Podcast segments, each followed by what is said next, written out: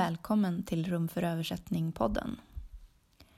2018 års nobelpristagare i litteratur, Olga Tokarczuk, har ett särskilt gott öga till översättarnas skrå. Till svenska har hon framförallt översatts av Jan-Henrik Svan som följt hennes författarskap i 20 års tid i den dubbla rollen som översättare och författarkollega. Nu ska vi få höra honom samtala med Tokarczuks mångårige svenska förläggare Mikael Nydahl om världen som översättning, om tallriken som blev en stallknäckt och andra stora och små glädjeämnen och snubbeltrådar i Tokarczuks verk. Samtalet hölls på Akademin Valand i Göteborg den 24 januari 2020. Varsågoda och lyssna. Ja, visst är det fint att vara här. Och visst är det fint att ha Jan Henrik Svan här. Vi kommer att tala om årets Nobel, eller förra årets strängt taget Nobelpristagare Olga Tokarczuk. För förra årets? Åh herregud, det är 2020. ja, för förra årets. Som icke desto mindre är mycket, mycket aktuell. Mm. Uh, och Jan Henrik sitter här i egenskap av översättare, av Olgas översättare till svenska. Och jag sitter här, ja, lite för att jag jobbar nu på institutionen här sedan ett par timmar tillbaka. Uh, men också för att jag var Olgas förläggare under de första 18, 19, 18, 19 åren, åren i ja. Sverige. Så att Jan Henrik och jag har en lång historia eh, med Olga som gemensam vän och, och eh, gemensamt projekt. Det ska vi tala lite om. Dessutom har jag varit elev här på Valand. Ja, i arabiska. I arabisk. Eller översättning från arabiska till ja. svenska. Ja. Och jag tänker vi ska börja ändå lite grann, inte med Olga, utan med dig. Mm. För du är ju, utöver att du har en karriär som översättare, så är du ju skönlitterär författare mm. i grund och botten. Du är uh, också, du, du, har ett förflutet som redaktör. Du var redaktör för BLM några år på 90-talet. Mm. Och så är du grekisk olivbonde. Mm. Ja. ja. Jag trodde att det var en elefant.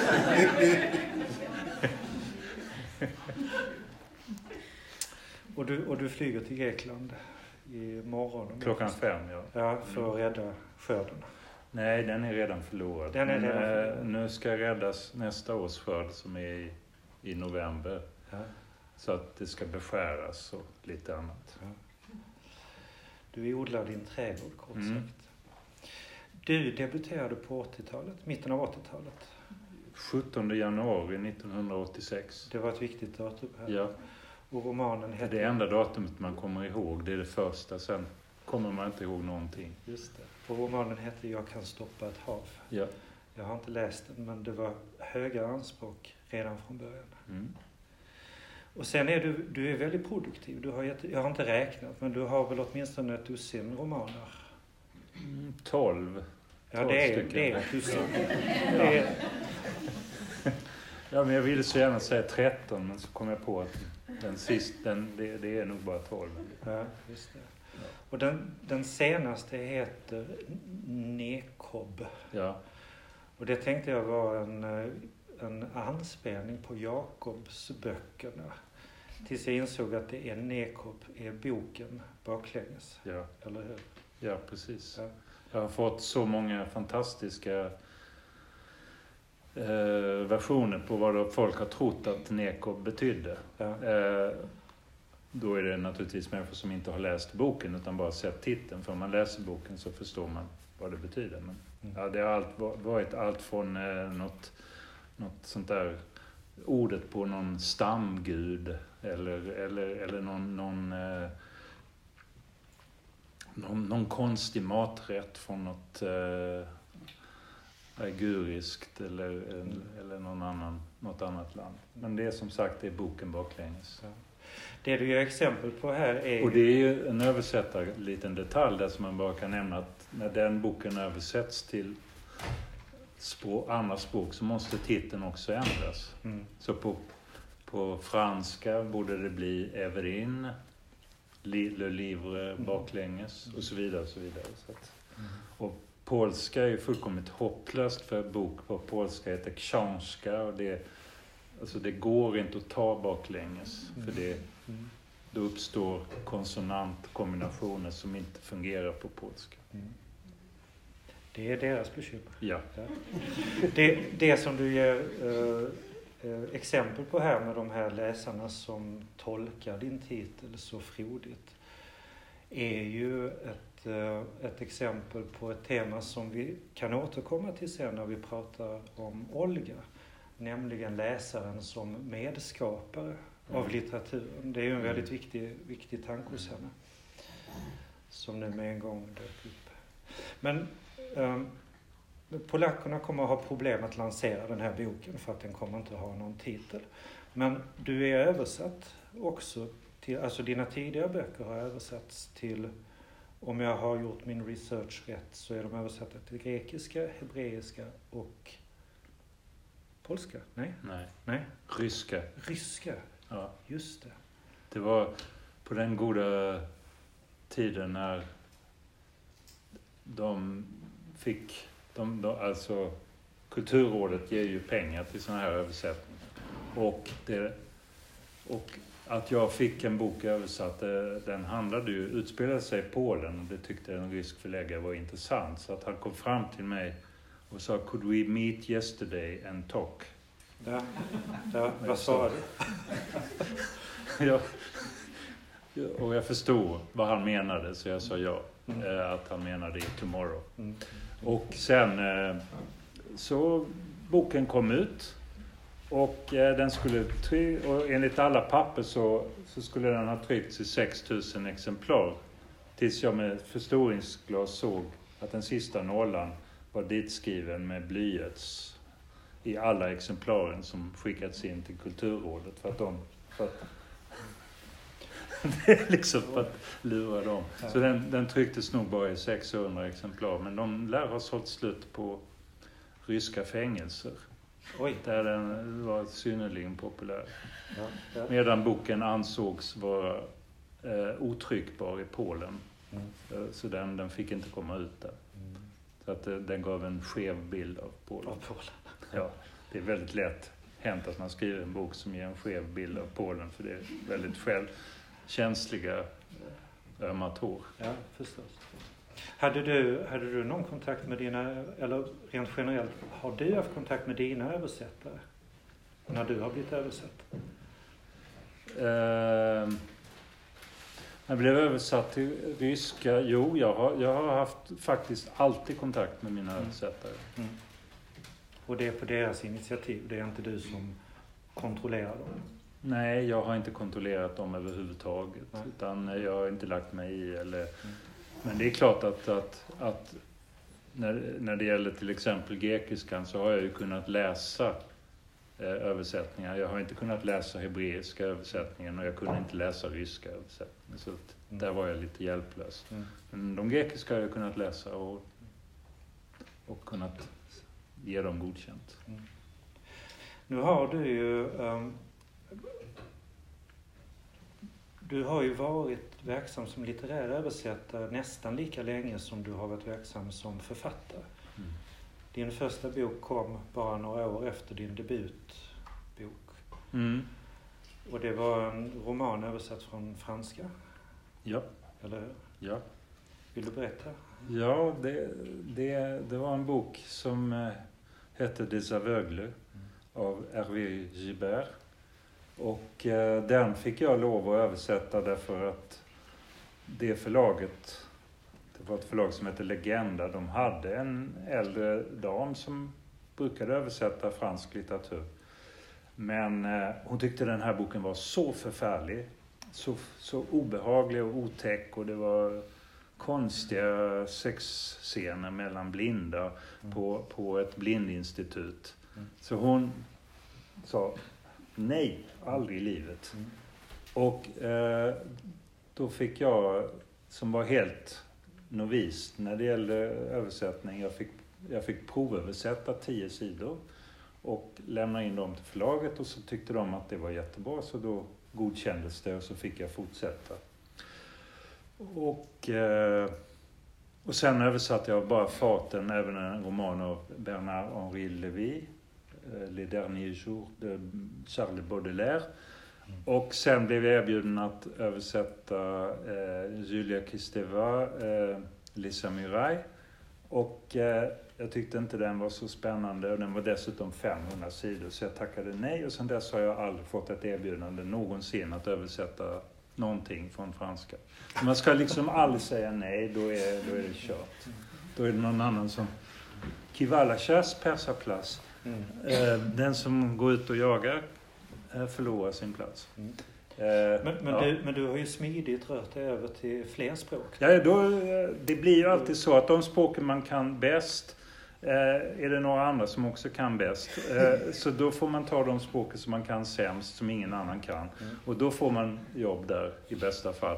Eh, och det är, i mitt fall så är det ju arabiska, grekiska och polska. Och framförallt grekiska och polska, för arabiska har jag verkligen ganska stora luckor. Ja. Så att, Och så översätter du från danska också.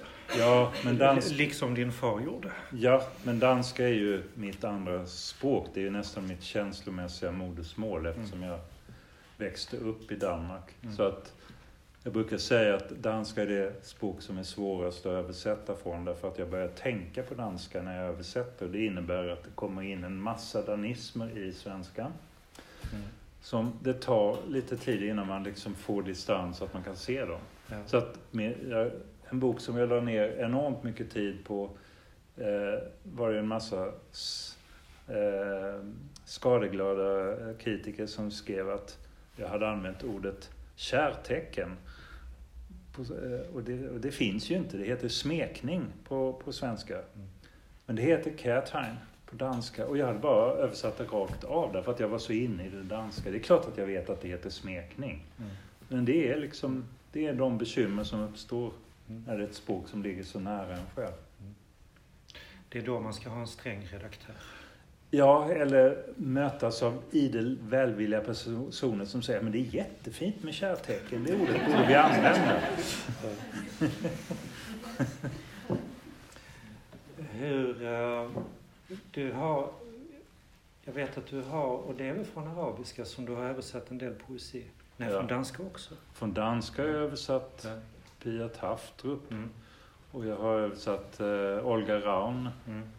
och eh, en hel del poesi för tidskrifter och sånt. Mm. Och jag, lik, likadant så har jag översatt en hel del grekisk poesi, Mm. bland annat i din tidskrift Mm. som du hade en Ja, gång ja, i tiden. Och Ja, eh,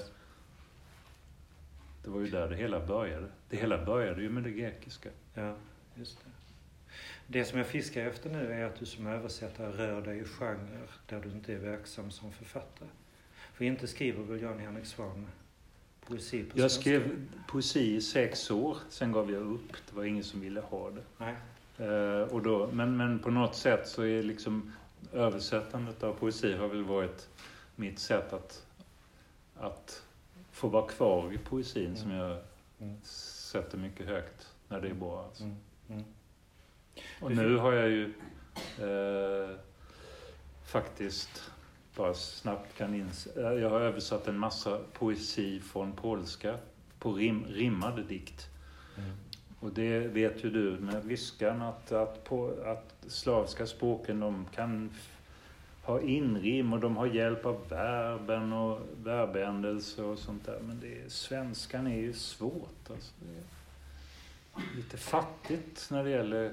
Det är klart att man kan rimma på det mesta men vissa ord kan bara rimma, man kan bara rimma med två eller tre ord och de är rätt slitna för det har varit översättare före mig där och de har redan testat alla de där tre orden. Mm. Det här är ett jätteintressant samtal som vi kommer att ta i det här rummet eh, någon kväll längre fram och ja. diskutera poesiöversättning. Ja. För nu är det ju inte som poesiöversättare som du har uh, blivit inbjuden Nej. hit utan för, för ditt arbete med Olgas mm. böcker. Jag tänker att vi, vi kan börja, innan vi pratar om hennes böcker, om dina översättningar, så ska, tänker vi ska berätta om hur allting startade. Ja, det tycker jag är en jättebra idé. Men innan vi berättar om hur allting startade så bör vi kanske säga ett par ord om vem Olga är. Alltså nu vet ju alla att hon är Nobelpristagaren från Polen. Men det var hon inte för, för 20 år sedan. Men ska vi inte börja med hur allting startade? Ja, vi kan börja med hur allting startade. Ja. Hur startade allting? Allting startade med att, att jag översatte en monolog av Maria Laina som kom ut i din lilla förlagsserie tillsammans med, eller som med Elleströms förlag. Plus att, att det kom en, att vi översatte, jag och min fru, en, en del dikter. Från, Sen, från grekiska? Från grekiska till svenska. Sen hörde du av dig till mig och jag kommer inte ihåg om du ringde eller mejlade. Men i alla fall, du ställde frågan, har du lust kanske att även översätta någonting från polska? Det här var 2000? Nej, det var 2001. 1999. Till och med. Ja. ja. Och då svarade, ja det är 21 år sedan, då, mm. då svarade jag att eh, jo gärna, absolut. Eh, men eh, har du några funderingar på vad? För att jag tyvärr följer med väldigt dåligt i vad som händer i polsk litteratur idag. Mm. Och då sa du att ja, jag följer ju inte med heller så mycket men jag, jag har hört ganska många nämna ett namn och det är Olga Tokarczuk. Eh, ett namn som jag då aldrig hade hört. Men då sa jag att, ja men skicka mig en bok. Eh, så tittar vi på det. Om jag tycker om det så översätter jag. Tycker jag inte om det så får vi tänka vidare. Och så skickade du en novellsamling och så åkte jag till Grekland. Och eh, jag vet precis vilken dag det var. Därför att jag satte mig på en färja från Pireus till Samos, en nattfärja. Och färjan var full med greker. Och alla satt med eh, sådana här små miniräknare och försökte förstå hur många drakmer det gick på en euro. För det var nämligen så att nästa dag skulle Grekland gå över till euro. Och de hade, alla hade skjutit upp det där. allting i Grekland sker i sista, sista, absolut sista ögonblicket. Och det var vad som hände där. Så det var en väldigt färgstark bild om alla dessa miniräknare. Och, och någon gång vid midnatt så tänkte jag att jag skulle börja titta på den här boken jag, du hade skickat till mig då. Eh, som var Spel på många små trummor, hette den. Och eh, så började jag lä läsa en novell som jag, så, jag tittade på hur många sidor det var. Jag började med någon den var, som inte hade så många sidor. Och den hette Ariadne på Naxos. Och jag hade bara läst några rader och så kände jag att det här tycker jag är jättebra.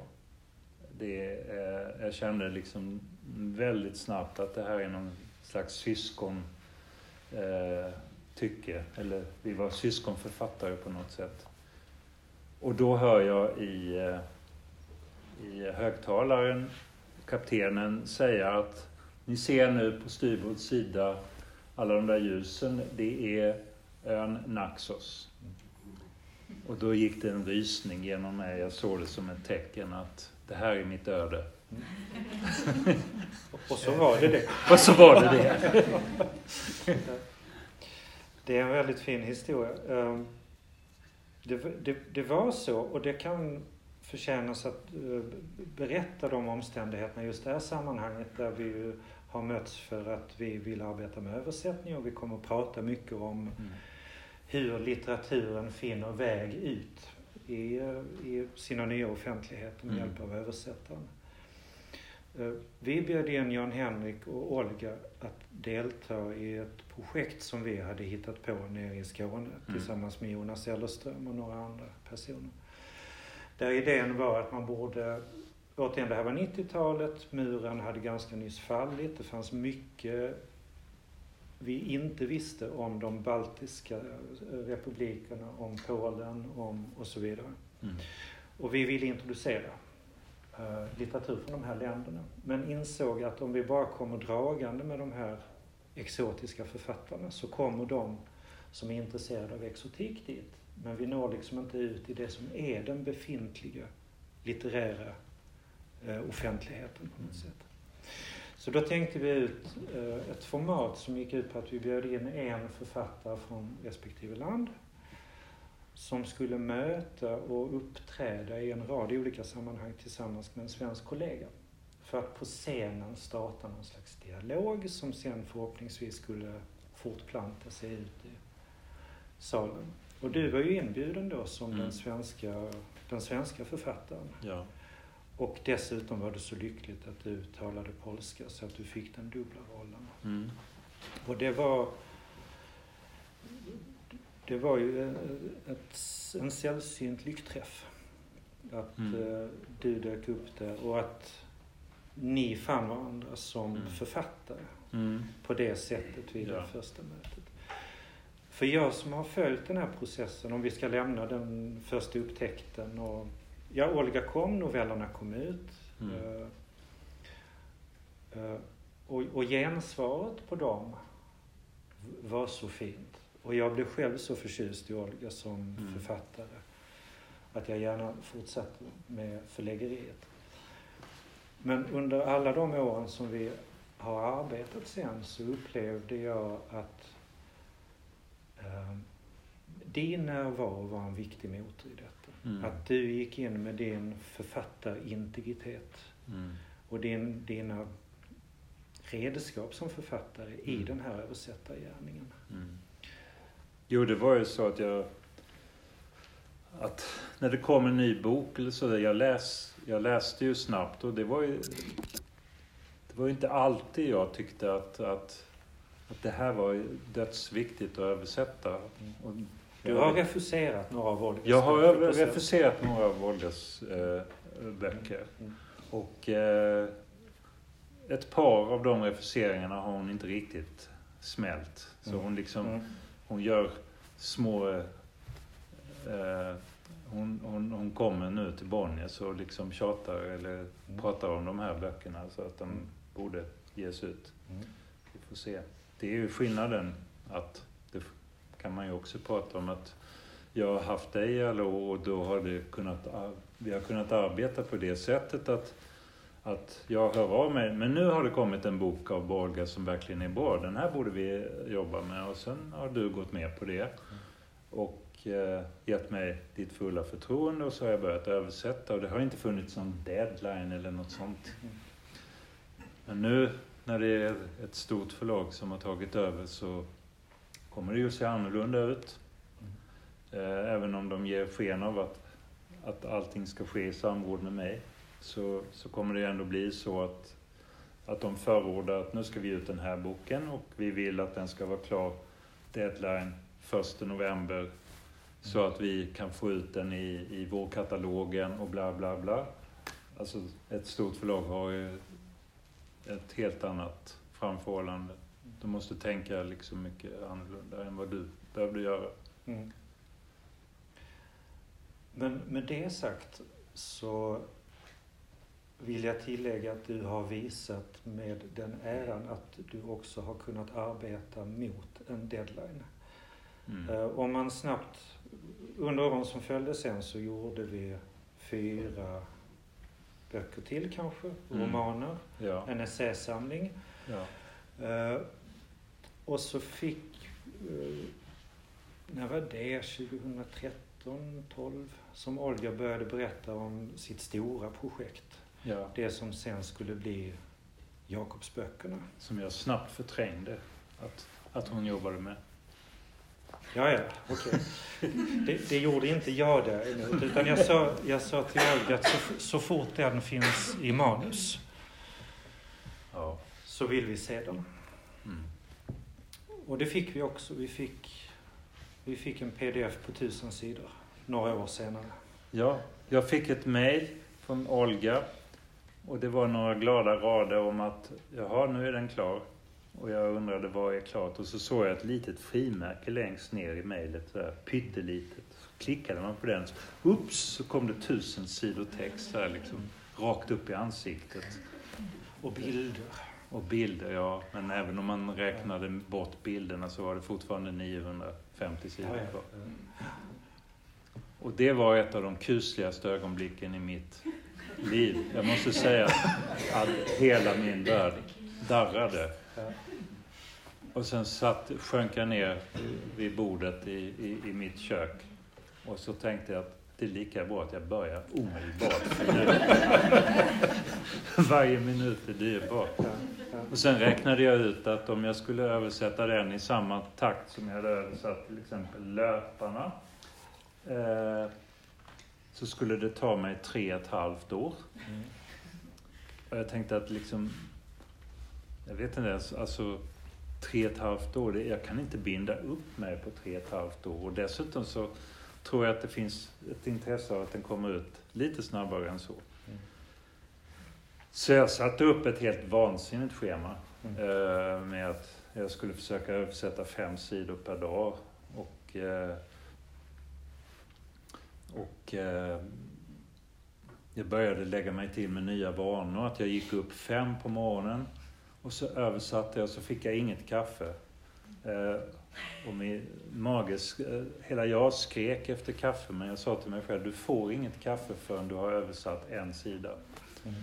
Så översatte jag en sida och sen fick jag kaffe och då blev jag så lycklig av det där kaffet så bara farten så översatte jag en sida till. Och då var jag redan uppe i två. och, man... och det var fortfarande förmiddag? Och det var fortfarande förmiddag men då var man ju tvungen att gå ut i olivlunden och, och eh, prata med sköldpaddorna och eh, beskära träden eller göra någonting och få lite luft. Men sen till lunch så kunde jag, satte jag igång och översatte igen och så blev mer och mer besatt och och familjen, övriga familjen började tycka att det blev mer och mer olidligt mm. alltihop.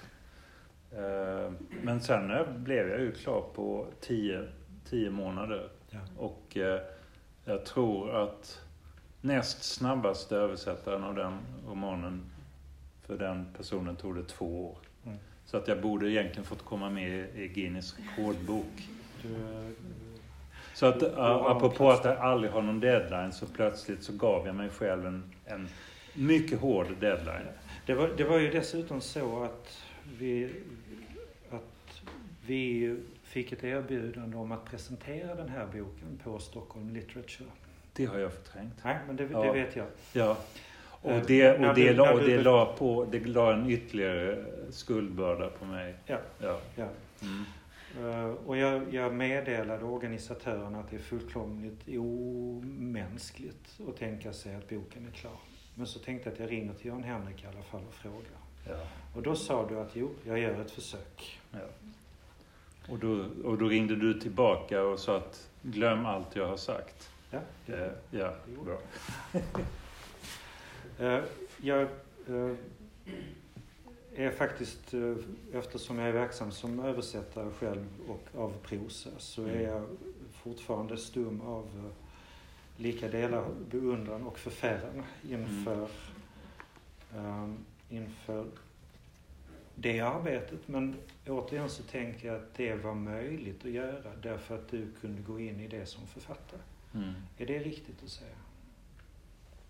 Det beror på, du får gärna förtydliga dig lite Alltså, eh, jo, jag kan förtydliga mig. Ja. Att, att jag upplever att um, eftersom du så tidigt på något sätt identifierade det med hennes sätt att skriva.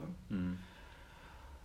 Och eftersom ni hade arbetat tillsammans under så pass många år mm. redan mm. så hade du tillgång till en inre Olga-röst. Ja. Ett inre skrivsätt. Jo som du kunde lämna över mm. pennan till. Mm. Det, är, det är sant, det tror jag. Eh, jag tror att det är den där samma upplevelsen lite grann som jag kommer ihåg att efter gymnasiet och att jag hade läst franska i sex år eller fem år och jag kunde ungefär säga att ja, hej, jag heter Jan Henrik och jag pratar ingen franska. Mm. Eh, så läste jag Äcklet av Sartre och det tog mig ett år. Jag fick slå upp i princip alla ord. Sen på slutet så började det gå riktigt mycket snabbare. Och jag tänkte att wow, jag har kommit över tröskeln. Eh, och så började jag läsa en, en, en ny fransk roman av någon annan författare. Och fick slå upp alla ord igen. Därför att jag, vad jag inte förstod, det var ju att jag hade, jag hade liksom blivit hemtagen med Sartres ordförråd. Eller vokabulär. Sen bytte jag till en helt annan författare. Det var naturligtvis en annan vokabulär, även om det var samma språk. Och jag tror att om jag skulle plötsligt nu börja översätta en, en annan polsk författare så skulle det inte bli fem sidor om dagen. Det skulle kanske bli en och en halv, två. Mm. Men alltså Olga har jag jobbat med i 20 år så att jag på något sätt, jag har, precis som du säger, jag låter den där inre Olga-rösten fatta pennan och, och, och skriva. Mm. Och jag hittar tonen direkt. Mm. Sen var det också eh, ett litet en liten speciell grej som jag absolut inte rekommenderar någon. Men, men när jag började översätta Jakobsböckerna som då är på tusen sidor så läste jag inte igenom den först. Mm. För jag tänkte, det har jag inte tid med. För att det är liksom så ont om tid. Så utan jag började ju läsa, eh, jag började översätta på sidan ett. Och det gjorde att, att jag fick fick eh, på köpet då det här lite spännande momentet att jag var ju i läsarens situation. Så här, jag översätter och läsaren läser. Och jag är både läsare och översättare för att jag, jag är också nyfiken, vad händer på nästa sida? Eh, men samtidigt var jag ju nervös för att tänk om plötsligt sådär efter 500 sidor så kommer det ett långt kapitel som inte går att översätta. Mm. Så att då har jag översatt 500 sidor och sen måste jag ge upp. Mm. Nu ger jag i och för sig aldrig upp så att, så att det är mer hypotetiskt men, men alltså det, det, det, det, det gjorde det lite mer drama, dramatiskt alltihop. Att jag, gjorde, att jag översatte medan jag läste. Den här närheten mellan ditt, ditt eget sätt att skriva och Olgas sätt att skriva har ju varit en tillgång mm. för vårt samarbete. Det har varit mm. en tillgång för Olgas böcker. Har det någon gång varit ett problem för dig, så, alltså som författare, att du har blivit värddjur för ett annat författarskap? Ja, det, en, en sommar i Grekland mm. när jag fick för mig att jag skulle översätta eh, Olga på förmiddagarna och sen skriva en egen roman på eftermiddagarna. Mm. Och sen efter en månad så började jag titta på vad jag hade skrivit. Och det var så Olga-påverkat så att jag var bara, det var bara att kasta alltihop. Mm. Alltså det var... Det, jag hade, Olgas röst hade tagit över. Den var mm. tydligen starkare än min egen då. Mm. Så att, mm. så att, men det tycker jag att det, det är hela tiden konflikten när man är både författare och översättare. Att det är väldigt svårt att kombinera. Mm. Att det är liksom...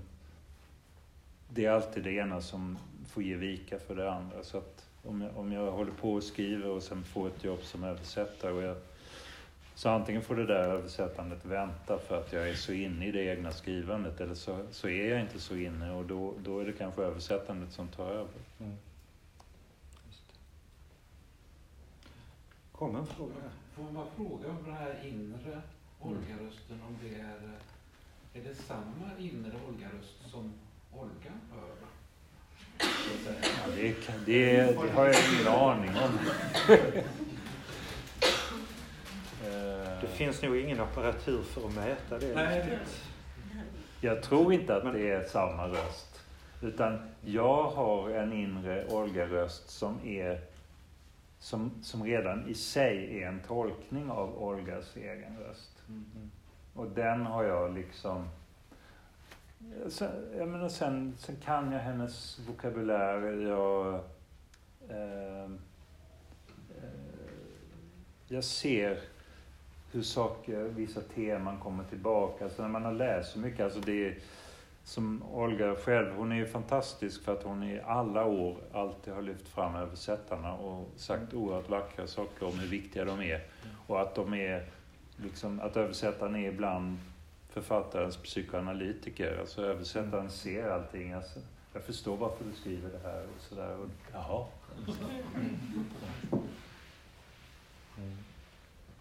Nu pratar vi om Olgas röst men, och en inre Olga-röst och så. Men om vi ska tala lite om hennes litteratur så är det ju, vilket är särskilt intressant eh, mm. ur ett översättarperspektiv, så är ett viktigt drag hos den är ju att den består av många röster. Mm. Det är många olika sorters språk som samsas med varandra i hennes, ja framförallt romanerna. Mm. Um, och, och, språken kommer, de kommer från olika platser, de kommer från olika tider. Mm. Uh, vad har um,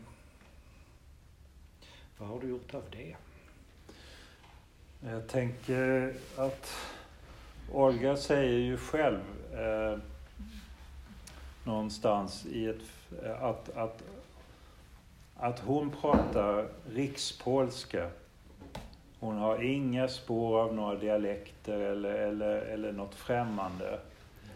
Men denna rikspolska som hon pratar har man kommit fram till att, att den polska som ligger närmast denna rikspolska, det är den polska som talas i västra Polen. Och västra Polen, vilka polacker bor där? Jo, det är ett mischmasch av olika eh, polska grupperingar och folk som flyttades dit under de stora folk, alltså folkförflyttningarna i samband med andra världskriget. Mm. Eh, så att det är lite intressant, liksom hon, eh, att, att å ena sidan rikspolska, liksom standardpolskan. Å andra sidan är den en blandning av allt möjligt. Mm. Mm. Sen kan man ju titta på Pauls, äh, Olgas romaner och säga att, att, att äh, hon... Där dyker ju upp väldigt många historiska röster. Hon är väldigt förtjust i gammalpolska, alltså gammaldags Alltså något kungligt lejdebrev skrivet på 1700-talet på någon närmast obegriplig kanslipolska och, och, eller, eller saker som finns inristade i, i, eller står i gamla pergamentrullar, höll jag på att säga. Eh, på väl, nästan obegriplig, alltså 1200-talspolska eller något sånt där. Eh, så att hon använder ju väldigt många olika språkliga nivåer. Mm. Och ändå så känner man igen hennes röst. Ja, det gör man. Ja. Jag sa, säger det att, liksom att jag ger mig en sida vilken som helst och det, jag ser direkt att det är Pol, Olga som har skrivit. Hon, hon har ju, som du nämnde, en väldigt hög uh, hon ägnar sina översättare mycket uppskattning. Mm. Därför att översättningen som kulturell handling är så otroligt viktig för mm. henne. Mm. Det ser man ju i hennes romaner också och inte minst i en roman som Jakobsböckerna. Mm. Som ju hela tiden återkommer till den här den här händelsen att tankesystem byter kulturell kontext och förändras av det. Uh, men hur har det varit att arbeta som översättare med henne som författare? Hur närvarande har du haft henne när det har handlat om att fråga saker eller att uh, be om lov att göra saker? Ja, alltså om vi tar då Jakobsböckerna som är så stor så, så redan efter kanske 100 sidor så hade jag kanske 20 frågor eller någonting mm. sånt där. Men så tänkte jag att eh, jag väntar lite till och samlar på hög frågor. Och sen visade sig att de där frågorna besvarade sig själva efterhand. Så att till slut när jag hade översatt hela boken så hade jag bara en fråga kvar. Och den berodde på att, eh, att jag hade alltså, fatalt missförstått den meningen för att jag hade eh, snubblat i, på syntaxen eller något sånt där. Så hon blev liksom väldigt oroligt orolig och sa är det här den enda frågan du har? Och det, det, det är helt glasklart. Vad är liksom, om, om du inte förstår det här, vad... Så att eh, det, det, det, om man bara har en fråga så kanske det är bättre att inte ställa någon fråga. Det, det var min slutsats där. Men, så att mitt svar är att, att jag menar, jag känner att, att jag står henne nära. Jag har åkt till Polen och hälsat på henne. Jag har mött henne på olika eh, fest, litteraturfestivaler och sånt. Hon har också varit med om att bjuda in mig och så. Eh, men jag har, när det gäller just själva översättararbetet så har jag liksom nästan låtit henne vara i fred. Mm. Mm. Mm. Tack. Ja. Jo, jag tror inte att alla akademiledamöter kan polska. Nej, eh, det tror inte jag heller. Kanske, nej, men då kan vi säga sådär att eh, när de läste igenom, då läste de dina översättningar, mm. böckerna som du, uh, som du har Va? Känner ni er delaktiga i Nobelpriset? Uh, absolut, det gör jag. Jag vet att jag har hört från någon i akademin att, att de var ju tvungna att läsa någon bok, eller i alla fall titta på några översättningar till, till franska och engelska för att liksom försäkra sig om att, att det inte var jag som hade hittat på alltihop. För, för då hade du fått pris.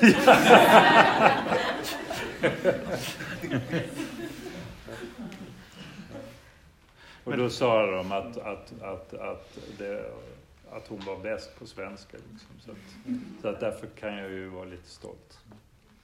Men det är klart att det finns en sån dynamik kring det här priset som har att göra med utgivningshistorik och sådana saker. Ja.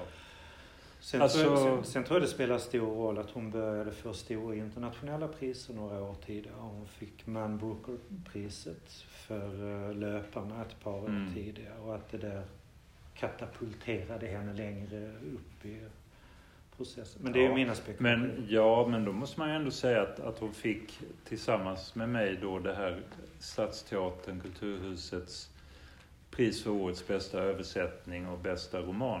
Eh, 2005? 2016 i december. Och eh, det var ju före Manbooker. Ja, och då fick och fick jag också pris av akademin och då sa de ju rakt ut att det här priset får du för din översättning av Jakobsböckerna.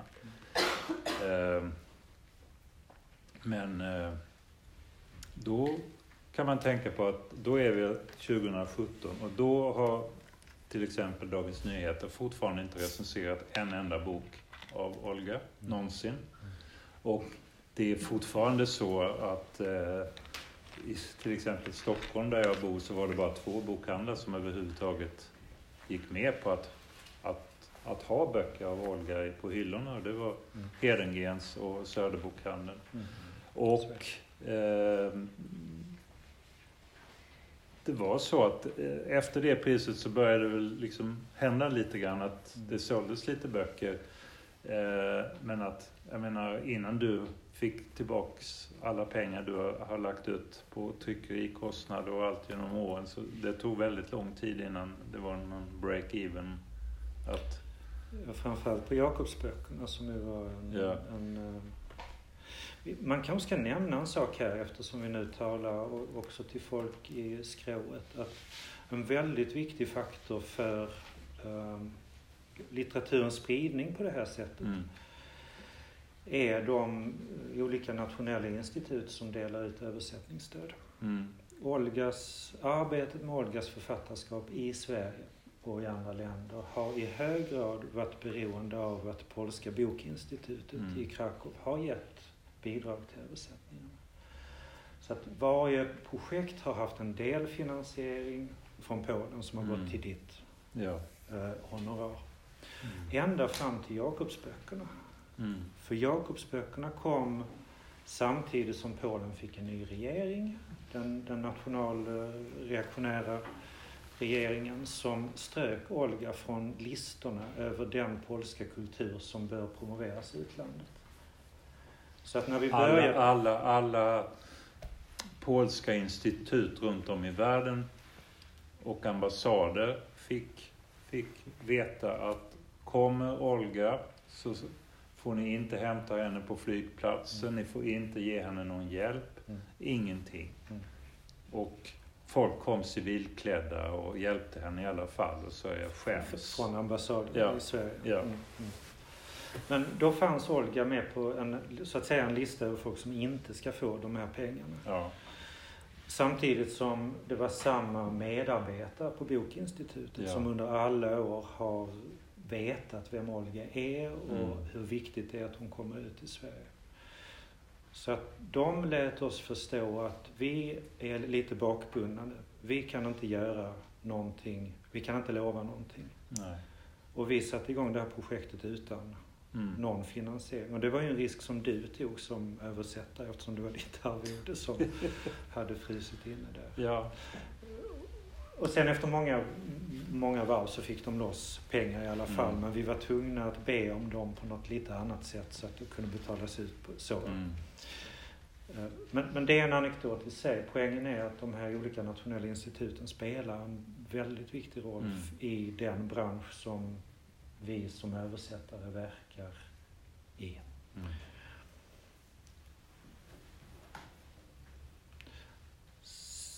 Så det om det. Mm. Vi har ju, eh, vi, vi sitter med många aktiva översättare här Mm. i salen som säkert är intresserade av enskildheter i ditt brottande med, med Olgas. Ja, Och, det och finns ju ett och annat. Det finns ett och annat, ja. Ja.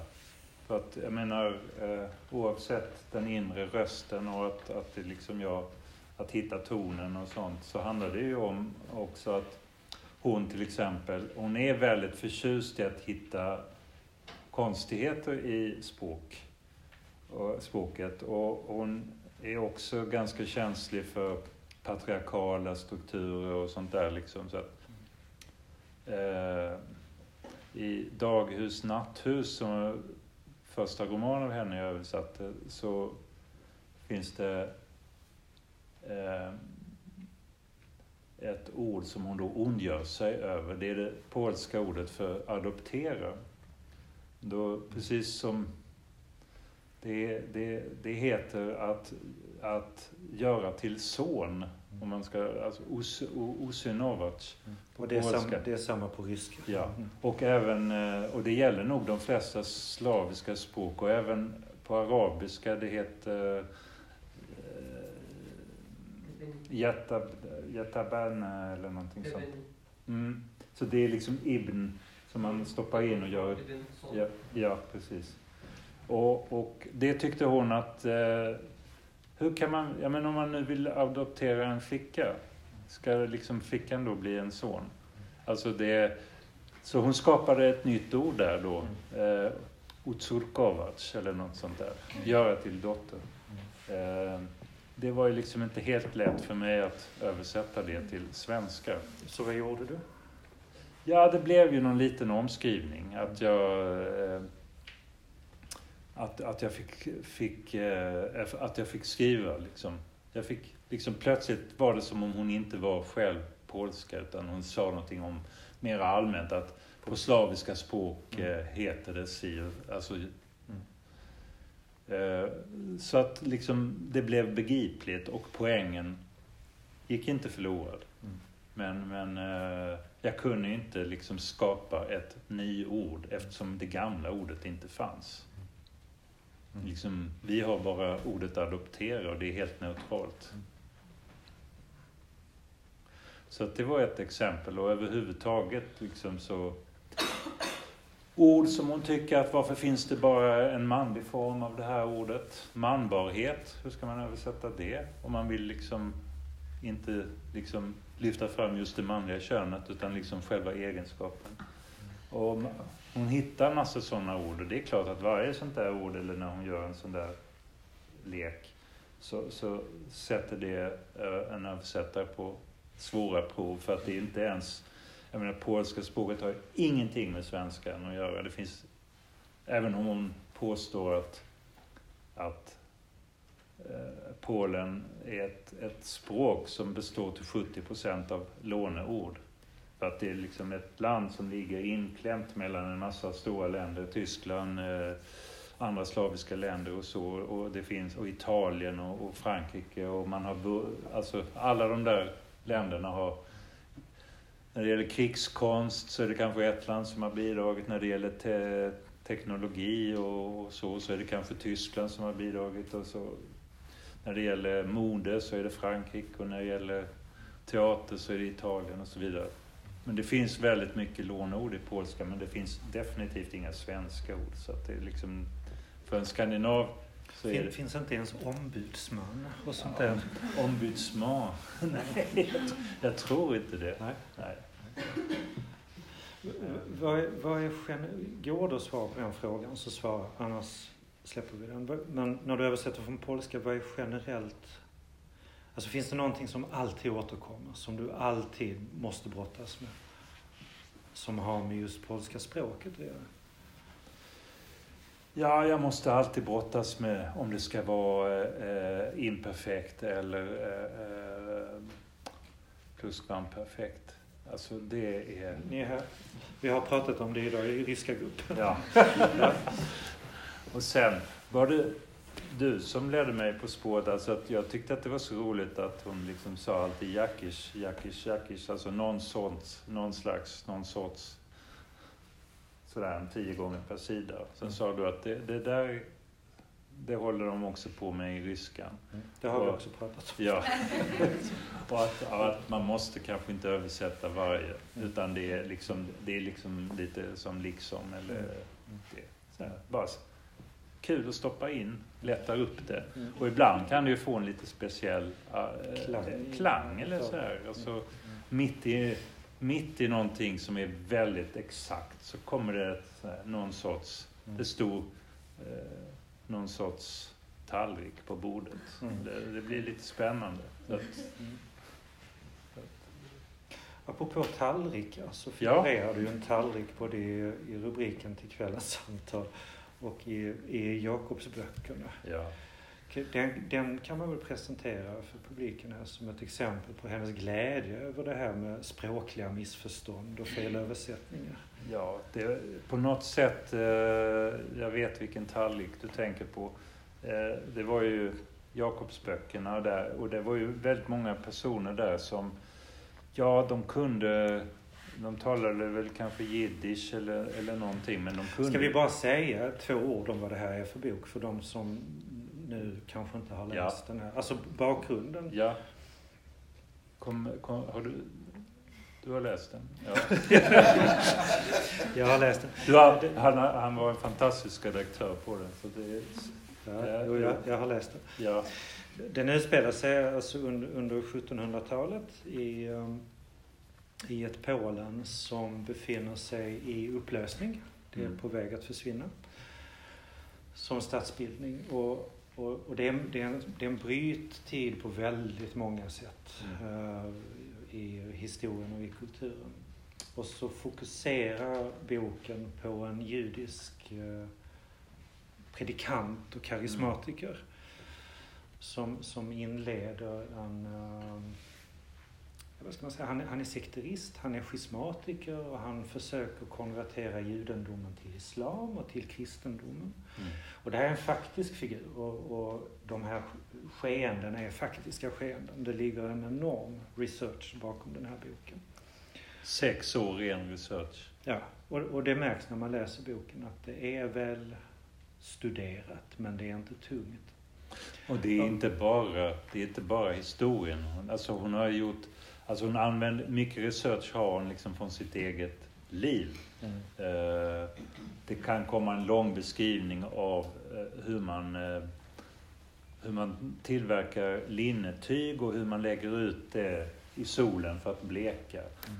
Sen läser man någon annanstans att, att ja, hennes farfars farfar var, var, var vävare mm. och, och la ut tygerna på, på klipphälarna och sådär. Så att hon har, och det dyker ju då upp i, i, eh, i den här Jakobsböckerna. Mm. Med tillsammans med all den här rena, riktiga researchen hon har gjort. Men hon, har, hon öser ju väldigt mycket ur sina egna källor. Mm. Och, mm. och, och man kan säga, lägga till då att den handlar ju väldigt mycket om om eh, handel och sådan, alltså Sidenvägen. Alltså det, de, de är ju mycket i i eh, Smedne eh, Izmir idag.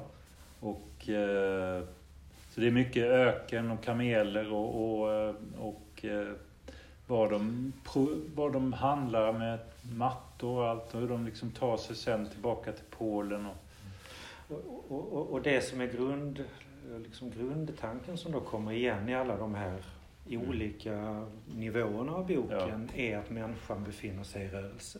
Ja, ja.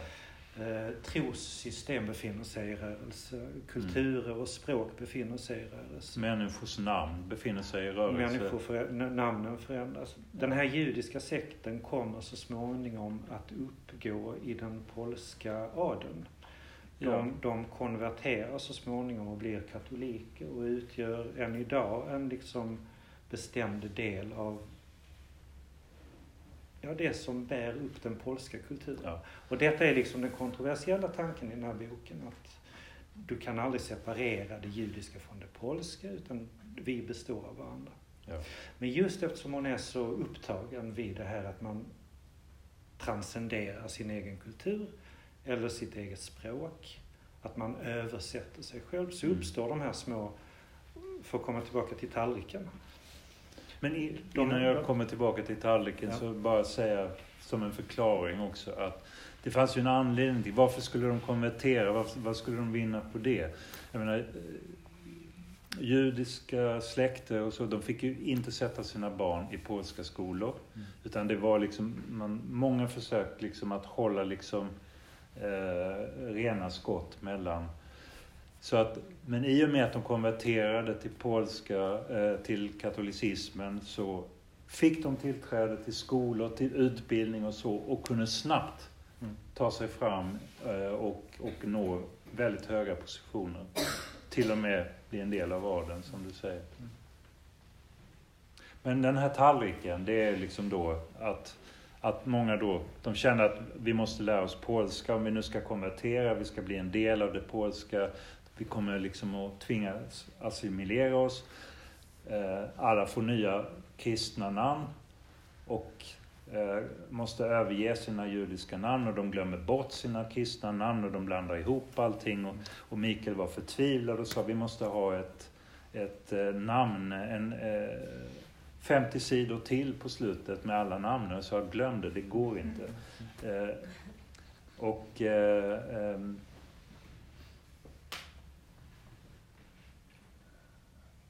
Ja, där tappade jag tråden faktiskt. Mm. Men då kan du väl bara läsa ja. det här lilla stycket med, med tallriken då? Ja, det kan jag göra. Ja.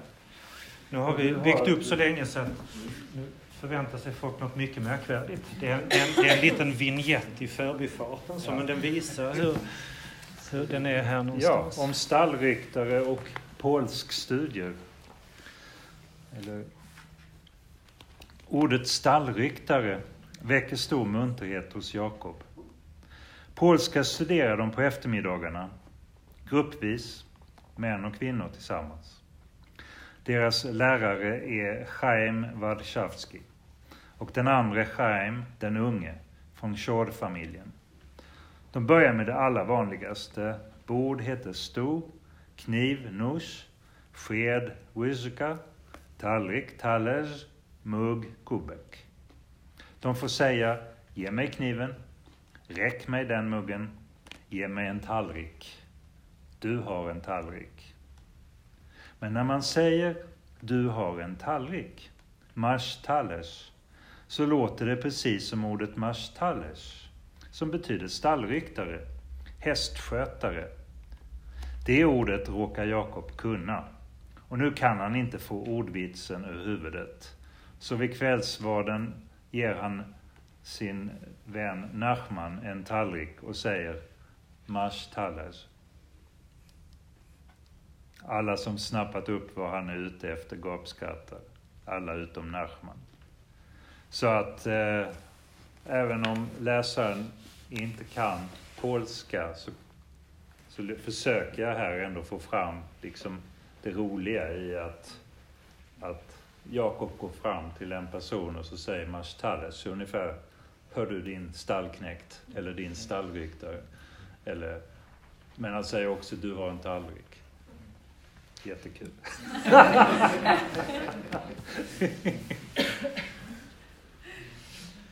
och sådana homonymer, alltså, det, alltså franskan är ju liksom så full av det. Så att eh, det, det, finns ju enorma, en, eh, mängd sådana här lustigheter man kan säga på franska liksom, kan betyda både det ena och det andra. Mm.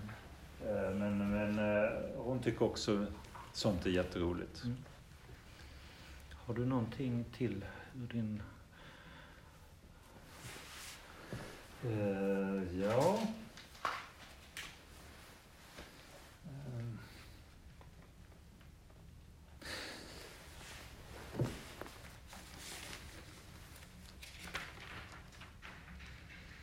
Ja, det är det ordet förbrödra som hon blir arg på. För hon tycker att försystrar är det ingen som pratar om. Mm. Eh, nej, jag, jag har inte så mycket mer just... Eh, möjligen liksom... Eh, man kan prata om... Eh,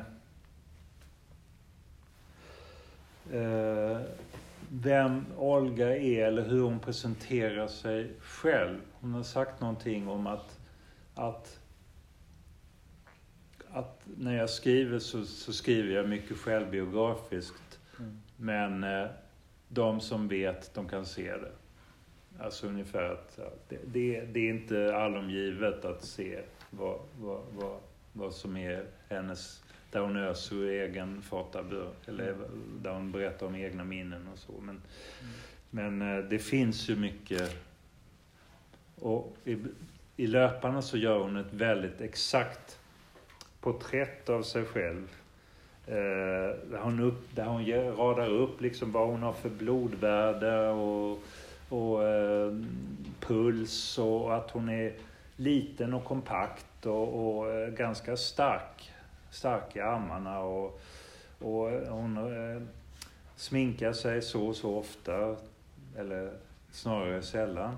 Och att hon eh, eh, klipper sitt hår själv med någon liten apparat tre gånger om året. Och så vidare och så vidare. Det, det är väldigt exakt. Och sen plötsligt mitt i alltihop så skriver hon att personlighetsprofil osäker, inget att förlita sig på. Och det är liksom på något sätt att hon, hon tycker om den här vetenskapliga exaktheten men som, som samtidigt eh, eh, vilar på ett gungfly. Mm. Eh, hon har, I Jakobsböckerna så är en av huvudpersonerna det är en, han heter eh, det är han som, som jag tror finns, beskrivs i, eh, i ditt favorit stycke där i, i början. Ja. Eh, den här press, eh, han, han är präst och han, han, han, han, skriver, han har skrivit Polens första encyklopedi och han envisades med att skriva den på latin. För det är klart att allt som är vetenskapligt måste vara på latin. Och han har för långa dialoger i boken med en kvinnlig poet. De träffades nog aldrig i verkligheten utan det är Olga som låter dem... Drömmer om att de skulle ha gjort Ja, just det. Och eh, hon tycker att, att det är så viktigt att, att gemene man får, får, får all den här kunskapen som du besitter och som din bok. Du borde skriva den på polska. Och han tycker att det är en förfärande tanke. Eh, men han har ju ett stycke som hon eh, citerar redan i Löparna. Ofta är det så att, att Först dyker någon person upp i, i en bok i en biroll och så blir den personen huvud, får en huvudroll i en senare roman. Så är det med, med den här personen då. Och där är det att han skriver på, på då har han för första gången gått över till polska, så då förstår man att han ändå har lyssnat lite. Och då, eh, då pratar han mycket då vetenskapligt om, om så kallade hund, hundmänniskor. Människor med hundhuvuden.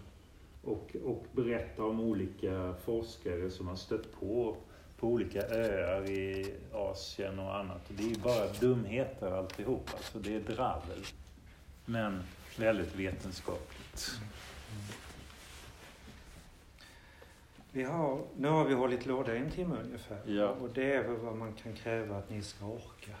Ja. Eh, Så att, eh, Men, jag, jag tänker att vi, vi kan väl öppna, eh, öppna rummet nu. Och För frågor? De, de frågor som frågor finns. eller synpunkter? Ja, jag vill bara innan, som en avrundning på det här med, med Olga och med Jakobsböckerna och med frågan om eh, översättningar och hur litteratur rör sig. Mm. Berätta om när, när jag fick de första 40 eller 50 sidorna av Jakobsböckerna från det. Mm. För att, eh, jag menar för att säga ja eller nej till Mm. boken och Ja. för att se om jag trodde att vi skulle kunna göra svenska av det. Så började jag läsa och de två första sidorna av den här romanen är rasande bra.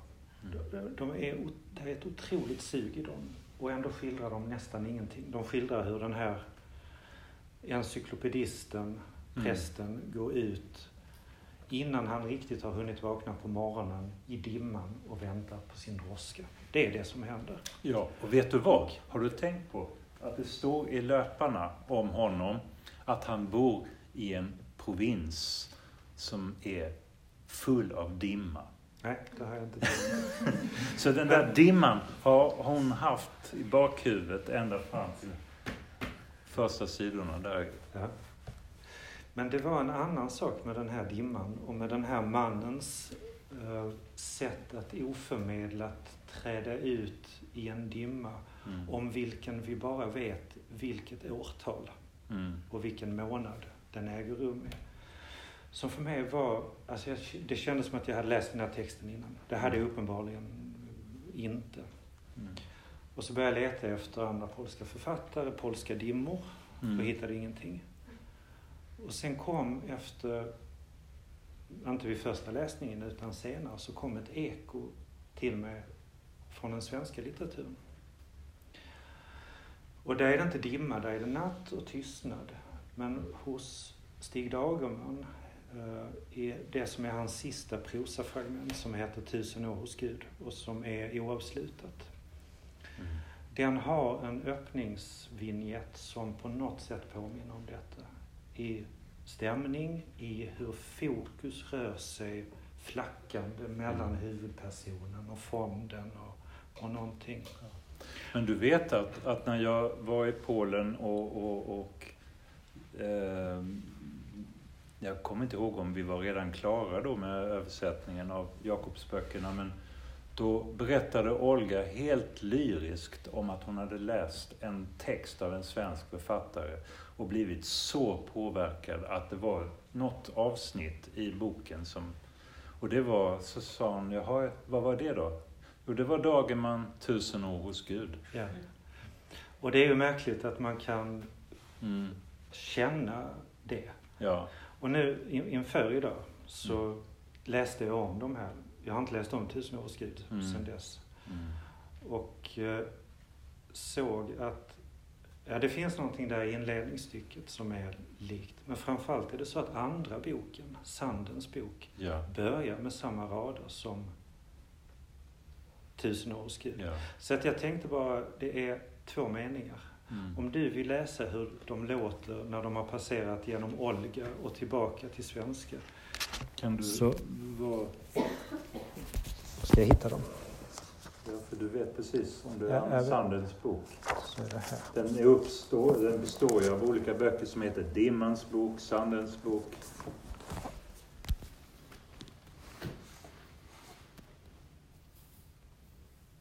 Det här första stycket där. Nej, det är första meningen. Det är, Ja. det är bara en mening. Det händer att Gud tröttnar på sitt ljus och sin tystnad, att han mår illa av oändligheten. Och det kommer direkt från Stig Dagerman som inleder Tusen år hos Gud med raderna Ibland tröttnar Gud på sin gestalt av ljus och tystnad. Evigheten kväljer honom, hans kappa faller. Och det kan väl vara en fin slutvinjett till det här samtalet, hur den svenska litteraturen ekar vidare in i den polska. Ja, och framförallt den judiska, för det här, hela den här filosofin med, med att Gud har dragit sig tillbaka och horror vakui, alltså skräcken för tomrummet. Någonting måste ta Guds plats och det blev människan och jorden. Och översätta. Och översätta. ja. ja. Frågor? Ordet är fritt. Det är faktiskt inte en översättningsfråga alls, men eh, eftersom att du pratade om Bonnier och jag vet ju att hennes senare böcker är utgivna på Bonnier. Var det så att vissa, liksom, vad hände med ditt förlag? Köpte Bonnier upp rättigheter eller är det så att de bara har snott den? Det är sekretessbelagt. Ja. Nej, så här. Det, det, är en, det är en lång historia men det är en mycket finare historia för mig som förläggare och för litteraturvärlden i stort än det kan se ut som. Jag har under flera år varit på väg att avveckla mitt förlag. Och Olga har varit den enda, liksom, det enda aktiva författarskapet som jag inte har kunnat släppa. Så någonstans så har frågan uppstått vad, hur Olga ska göra och hur jag ska göra. Och så har då äldre titlar har blivit lediga och de har då agenten fört över till Bonniers. Och så har de gamla titlarna, eller de egentligen tvärtom, ja, de nyare titlarna. När man skriver kontrakt på en översättning så står det ju ofta att fem eller sju år. Fem eller sju år eller någonting. Så att de senare titlarna då har legat kvar på mitt förlag. Och så har hon då haft två förlag mm. eh, juridiskt. Bonniers gav inte ut någonting före Nobelpriset. Utan de började köpa över för att ge ut sen. Och när vi insåg att det här med Nobelpriset kanske händer så inledde vi samtal, alltså jag och Bonniers, om hur vi gör det. För att om vi inte har pratat med varandra och det kommer ett Nobelpris, då, då blir det fult. Mm. Alltså det blir inte bra för någon. Så att då pratar vi om hur, hur vi löser det så att, så att alla böckerna finns och så att det finns en avsändare så att säga, en, alltså en instans som har hand om hennes författarskap i Sverige. Och vi hittade en bra lösning på det som mm. alla är nöjda med. Och det finns Jo, det finns en bok, eh, nämligen novellsamlingen som, eh, som vi började arbeta med. Mm. Den gav vi ut mm. i, i fullformat för något år sedan. Mm. Och nu kom den i en ny utgåva med båda förlagsnamnen på. Mm. Så att vi har haft lite olika lösningar men allting har lösts. Så det är många som har liksom så här tänkt eller trott att, att Barnis kände till att, att hon skulle få Nobelpriset och, och då snodde, snodde allting. Men, men eh, jag fick ju då, de köpte ju då rättigheterna till mina översättningar så att jag fick ju betalt igen. Mm. Men då sa de att den första boken, de skulle börja med att ge ut en bok 25 april i år. Mm. Och, och sen skulle bok nummer två komma om ett och ett halvt år. Så, skulle de liksom, så det, det var ett långsiktigt projekt. Mm. Och plötsligt blev det hysteriskt och sen skulle alla böckerna ut på tre veckor. Mm. Och de klarade av det. det var ju, men det var lite märkligt. Mm. Surrealistiskt. Mm. Men om man ska läsa Jakobsböckerna så ska man försöka hitta ett exemplar av Ariels första utgåva. För att de klarade inte av allt på Bonniers när det handlar om att göra tusen sidor på tre veckor. Det finns missar i den. I Jag den hoppas att de här Ariel-upplagorna kommer att bli rariteter som kommer att betinga. För det var ju alltså, när det var som mest hysteriskt, då, då, då kunde man alltså köpa ett exemplar av Ariel-utgåvan på, på nätet för 1500 kronor eller något sånt där. Så det var helt vansinnigt. En konkret fråga, vad är det de har missat? Bonniers... Eh... Jo, alltså, nej, men jag kan säga att den är... Um, Jakobsböckerna är, som vi har varit inne på, den består av många olika lager av texter. Och där finns kartor som spelar en aktiv och, och bildreproduktioner som spelar en uh, mer eller mindre aktiv del av textens rytm. Och de här olika textnivåerna är isärhållna typografiskt. I originalutgåvan. Och när de tankade in allting i sina mallar så försvann den här alltså fingertoppskänslan för de, de olika textnivåerna. Och också rytmen mellan bild och text gick lite sönder på ett par ställen. Så det är det som är. Nej, för ni har pratat så fantastiskt väl om den boken. Jag har inte läst den alls, men jag tänkte du den jag i så fall ska läsa. Mm. Nej men det, det, Ja, det är det. men du vet väl, Mm. det är din utgåva vi ska skaffa. Men jag tänker, kommer nu Bonniers att insistera på att du översätter också de romaner du har avböjt tidigare? Eller? Det vet jag inte. Första samtalen, då har jag liksom fram, framfört mina dubier när det gäller dem och tyckt att man eh, bör vänta på hennes nya roman som hon nu håller på att skriva. Och som jag tror att hon har kommit långt med. För att det, ja, det skulle kännas roligt, tycker jag, att, att liksom, då, då blir det någonting helt nytt. Eh, alternativen var att ta några av de här tidigare böckerna. För att omedelbart liksom hålla igång det. Men som Bonnie sa själv, att finns, finns liksom ingen anledning. Marknaden är ju liksom, det finns ju 2500 sidor. Mm. Och det kommer att dröja innan det är så att det, det, det står folk i kö utanför Bonniers och skriker vi har läst alltihop, vi vill ha mer.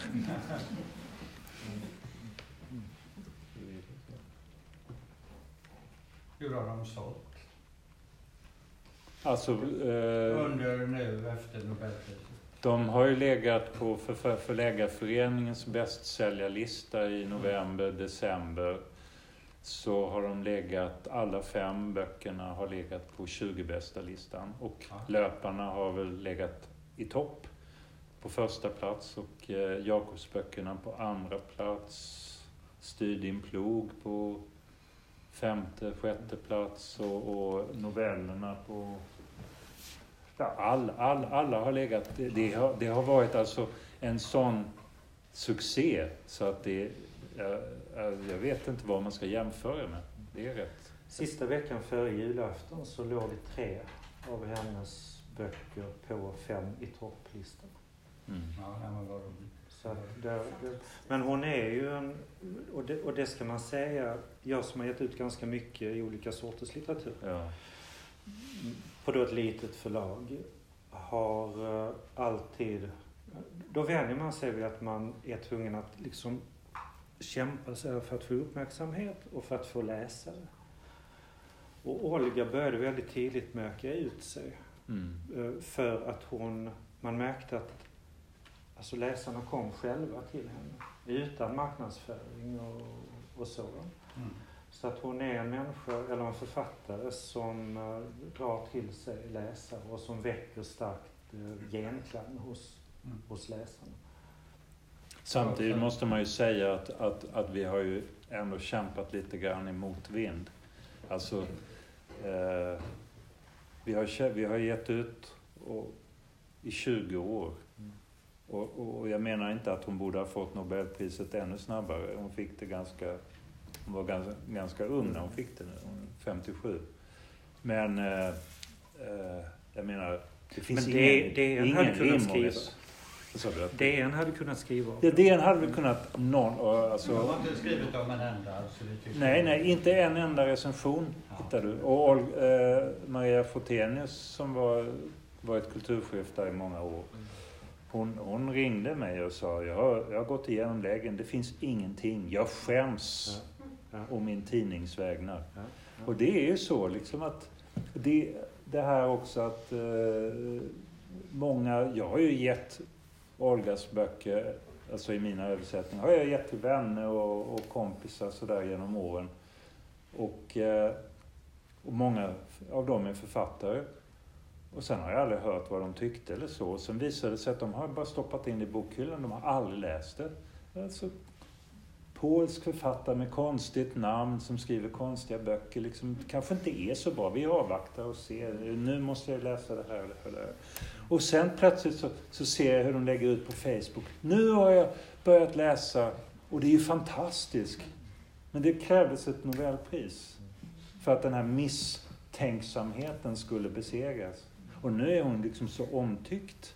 Så att hon är liksom, eh, nu är alla tagit henne till sitt hjärta. Ja. Ja, jag satt precis och tänkte på det här. Det, jag reagerar på hur du beskrev ditt möte Mm. med henne. Den här känslan av syskonskap. Mm. Och hon, hur hon då därefter har blivit, du hör hennes inre röst inom dig. Mm. Och, eh, och det kände jag, detta är precis min egen upplevelse. Mm. Och det verkar som det är just den effekten hon har hos många, att hon blir någon slags inre röst. Mm. Och, och att den är så personlig på något sätt. Så jag kan ju känna när någon annan sitter och beskriver den här upplevelsen, det här mötet, som du gör, så blir jag svartsjuk. Mm. För att det, hon är min. Mm. Och det, det är en speciell effekt som, hon, Mm. som jag tolkar att hon skapar hos många människor. Mm. Så jag undrar också vad, hur medveten hon själv är om att hon har den effekten hos många. Och vad det gör med hennes författarskap. Mm. Om hon liksom ska fortsätta att bli hos allt fler en sån inre egen röst. Ja, det kanske lät lite flummigt.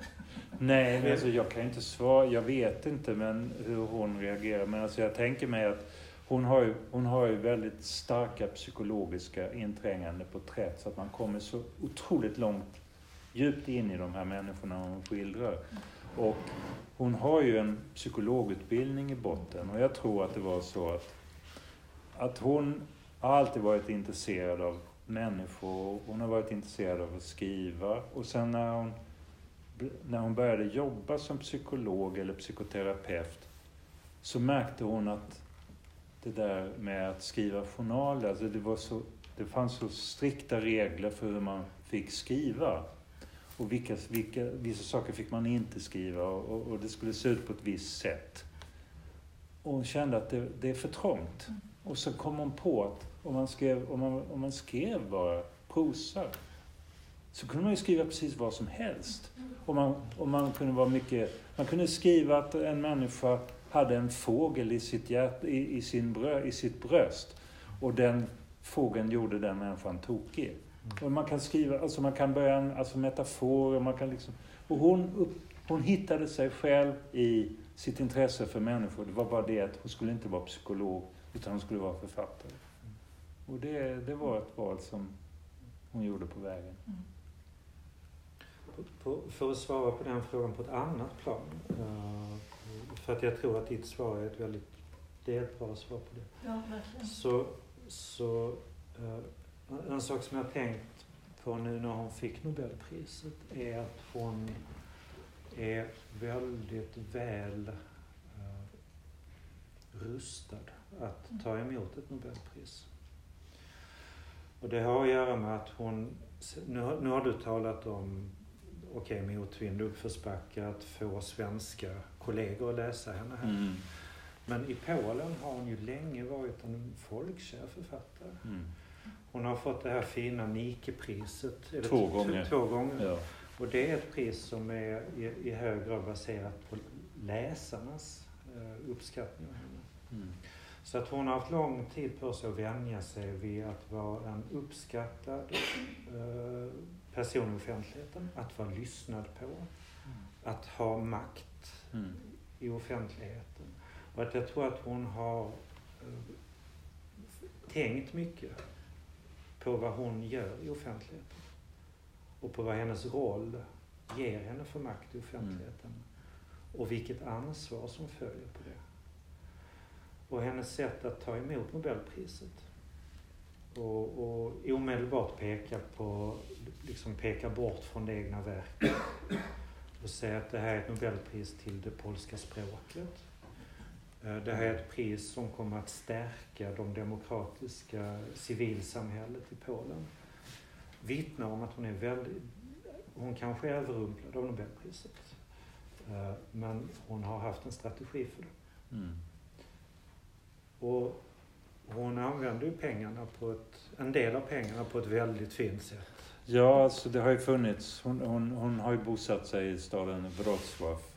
Och där, och där har det funnits i tio år en, en, en stor, en jättestor gammal villa som eh, som har blivit testamenterad till, till staden för att den skulle bli ett centrum för konstnärer, poeter, författare, översättare. Men sen har ingenting hänt som det ofta tyvärr kan vara så. Och, och Eh, huset har förfallit mer och mer. Men Olga har ju väldigt bra kontakt med eh, borgmästaren och sådär. Och, det, och liksom den, den staden, de älskar ju henne. Liksom att när hon fick Nobelpriset så, så fick alla som hade en, en bok av henne eller, eller läste henne i, sin, i någon app eller någonting, de, de fick ju åka gratis alltså buss och sånt där. Och de planterade 25 000 träd som var i hennes namn, Olgaskogen. Och, och, och, och de, det finns ingen hej på vad de gjorde. Och sen gick hon då in och sa, nu sätter vi igång med det här. Jag ger en miljon, alltså en, tio, eh, en, en av mina nio miljoner eller tio miljoner av, av mitt Nobelpris. Det ska gå till det här. Och sen satte hon igång omedelbart. Hon sa att jag har aldrig varit så trött i hela mitt liv för att jag jobbade dels med Nobelpriset och dels med den här stiftelsen samtidigt. Mm. Och det gäller att snabbt få ihop en styrelse, diskutera och de har redan infört nya priser för översättare och de, de har höjt det, det, det är rejäla priser. Och de har, gjort, ja, de har kommit väldigt långt redan. För att... Och det här, det här är alltså inte ett kulturhus i största allmänhet utan det är, det är tänkt som ett översättarcentrum. Ja. Eh, och sen har hon en, eh, vad ska man säga, en ekologisk och feministisk agenda också ja. kring, kring det här centret. Jo, hon har ju mycket med djurens rättigheter Eh, och hon har... Alltså hon, hon, det är en av hennes absolut viktigaste frågor. Med, hon argumenterar mot alla, om man tittar i historiskt sett, så vem som har rätt att komma till himmelriket och så. Då skulle djuren inte få komma dit för de hade ju inga hjärnor, eller de var inte... Och, då, och den här eh, prästen, dekanesen, eh, han han, han tyckte att de där djur, eller hundmänniskorna som, som då tydligen fanns på vissa exotiska öar enligt att borde de få komma till, de var ju hälften djur och hälften människor. Och då, då, då vägde tydligen den där människohalvan så tungt så att de skulle få komma till, till, eh, till himmelrik. Och alltså djurens rätt är en viktig fråga i för henne och, och sen eh, Ehm. nu, nu, nu blev jag trött. Men det, hon, har, det, eh, hon pratade ju med kungen, satt ju med svenska kungen på, på Nobelfesten och förklarade för honom att han borde sluta jäga, jaga. Eh, med, med sådär glatt leende och han, och han, tyckte det var ett ganska lite jobbigt ämne. Han tycker det är väldigt roligt att jaga. Men hon, har, hon har sina hjärtefrågor i alla fall. Jag har en liten fråga till apropå att bli trött.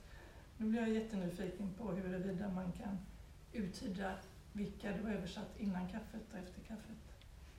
Vilka sidor? Ja. Du översatte en innan du fick kaffe? Ja. Och en efter? Ja, jag tror att, att eh, jag tror att de, den sidan som är eh, före kaffet är minst lika bra som den efter kaffet. Alltså jag, jag skulle inte själv, jag, jag, skulle inte själv kunna rekonstruera vilka sidor som har eh, det, det, det, det jobbiga med det sättet att jobba som, det, det är ju att man när man att man på sidan 400 känner igen en mening och inser att den här har hon använt tidigare. Det här är någonting som är mm. väldigt viktigt att det måste översättas likadant. Mm. Och vilken sida var nu den meningen på? Men med, nu kan man ju liksom söka, det finns sökfunktioner och sånt där. Mm. Så att det går ju ganska bra. Ja?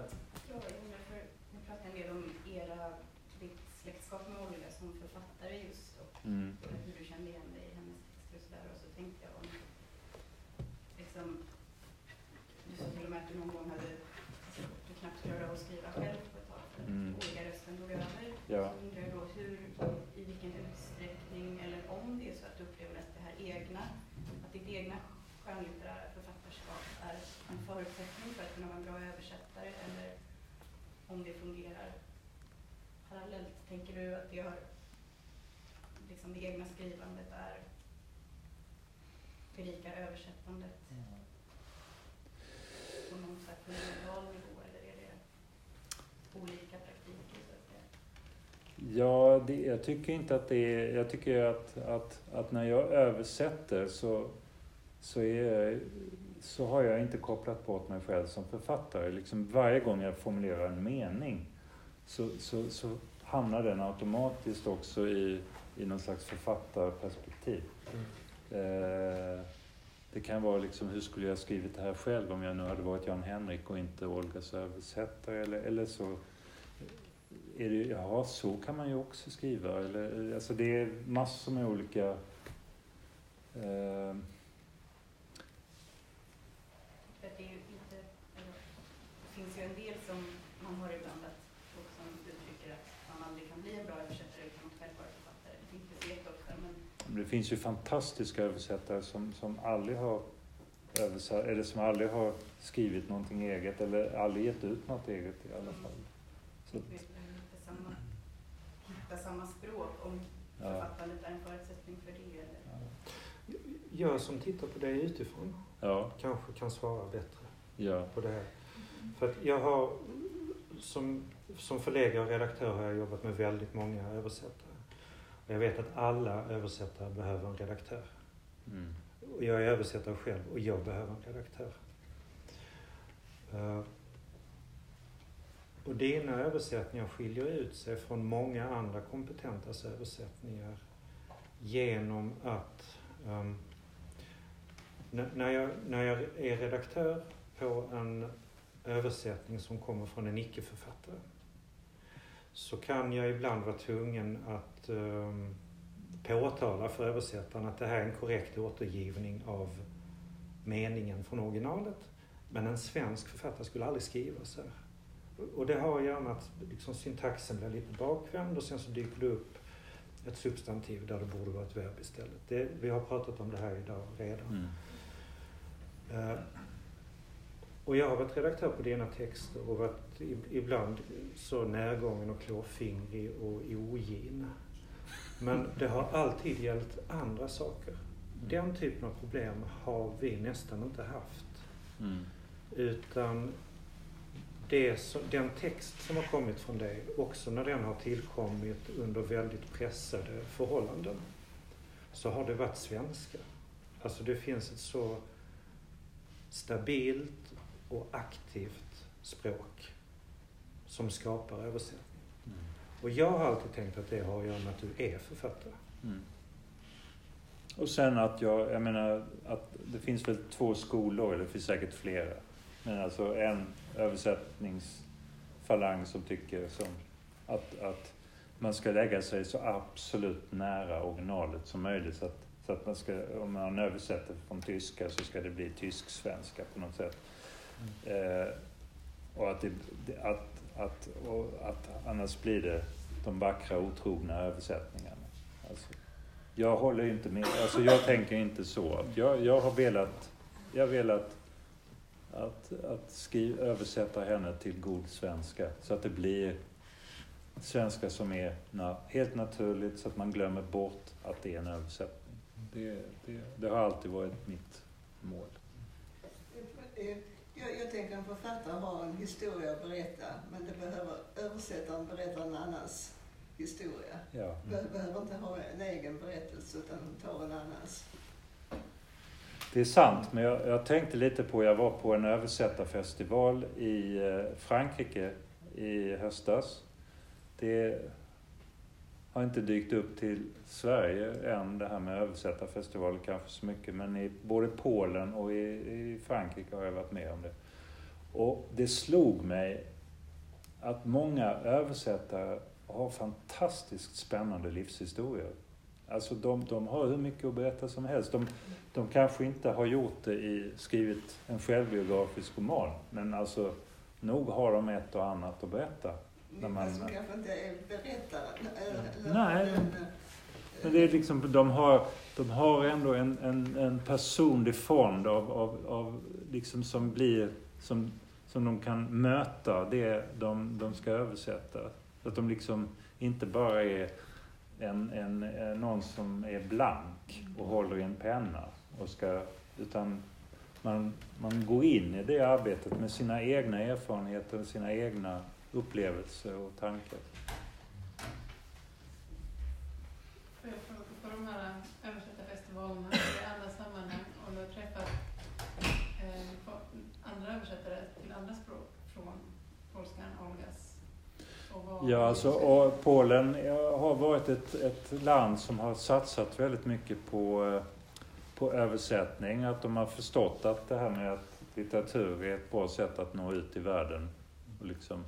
Så att jag har ju varit på två eh, översättarkongresser i Polen, i Krakow, båda gångerna. Och, eh, och då har det varit kanske 150 översättare där. Och, eh, och jag har träffat översättare som har översatt Olga Tokarczuk till koreanska eller, eller, eller kinesiska eller alla möjliga språk. Och, och, och, ibland har jag känt att jag, jag är nog den som pratar sämst polska på hela den här kongressen. Men det, det gör ju ingenting, bara det blir bra på, på svenska. Mm. Så. Har du läst någon annan översättning? Ett annat språk? Nej, det har jag inte och jag har, alltså det, det, är nästan så att jag inte vågar säga det, men alltså det finns ju en bok översatt av Olga, Gammeltida, som inte jag har översatt utan Lennart Ilke. Och jag har inte läst den. Jag, jag liksom tänker att Tänk, tänk om, om det är så man ska översätta. Eller liksom, och, och, då kommer jag bara rasa ihop som ett korthus. Men det är en så viktig bok så att jag borde verkligen läsa den. Men jag kanske ska läsa den på polska. Det kan du. Ja.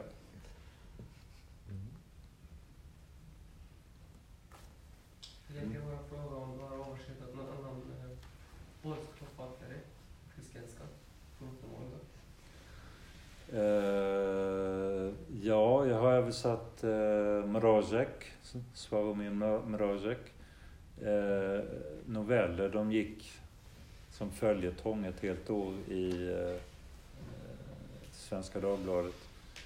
Och sen så har jag översatt en, en i början, jag översatte en, en deckare av någon som heter Maria Norowska. Eh, som handlade om, om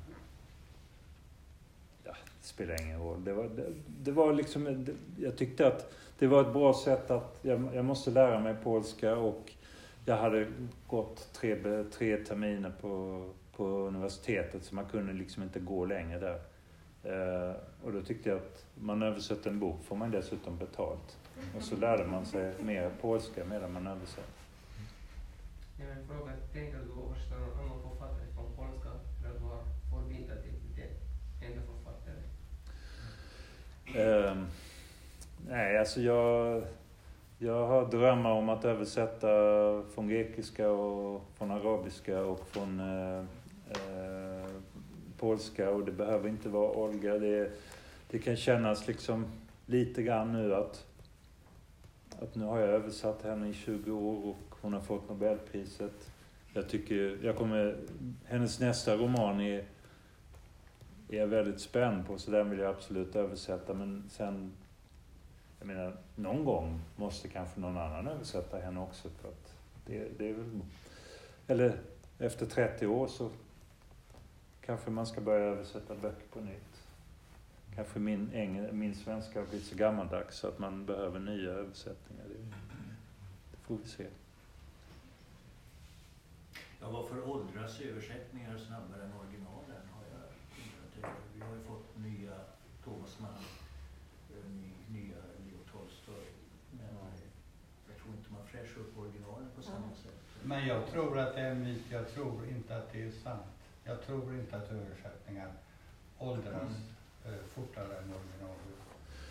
Ja, jag tror att de gör det. Ja. Jag tror att de gör det.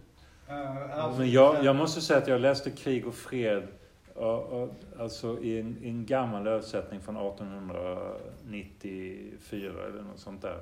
Och den var, alltså, eng, svenskan var ju så otroligt gammaldags i början så att jag liksom, det var, blev nästan komiskt. Men sen brydde jag mig inte om det. Sen var jag inne i det och sen liksom kände jag att, att det var en översättare som, som, som var eh, överstelöjtnant eller någonting och som visste väldigt mycket om krig. Och, och det kändes väldigt autentiskt. Så att det, liksom, det fanns många kvaliteter i den där helt föråldrade översättningen. Och liksom, det är liksom ett inledningsvis ett motstånd, men jag tycker det är roligt att läsa gammaldags svenska. Så att jag kan tycka att det är roligt med de där gamla översättningarna. Ja, för jag tänker att originallitteratur, alltså ibland om man jämför översättningar, så att översättningar åldras, så jämför man översättningar och oerhört vital originallitteratur. Mm.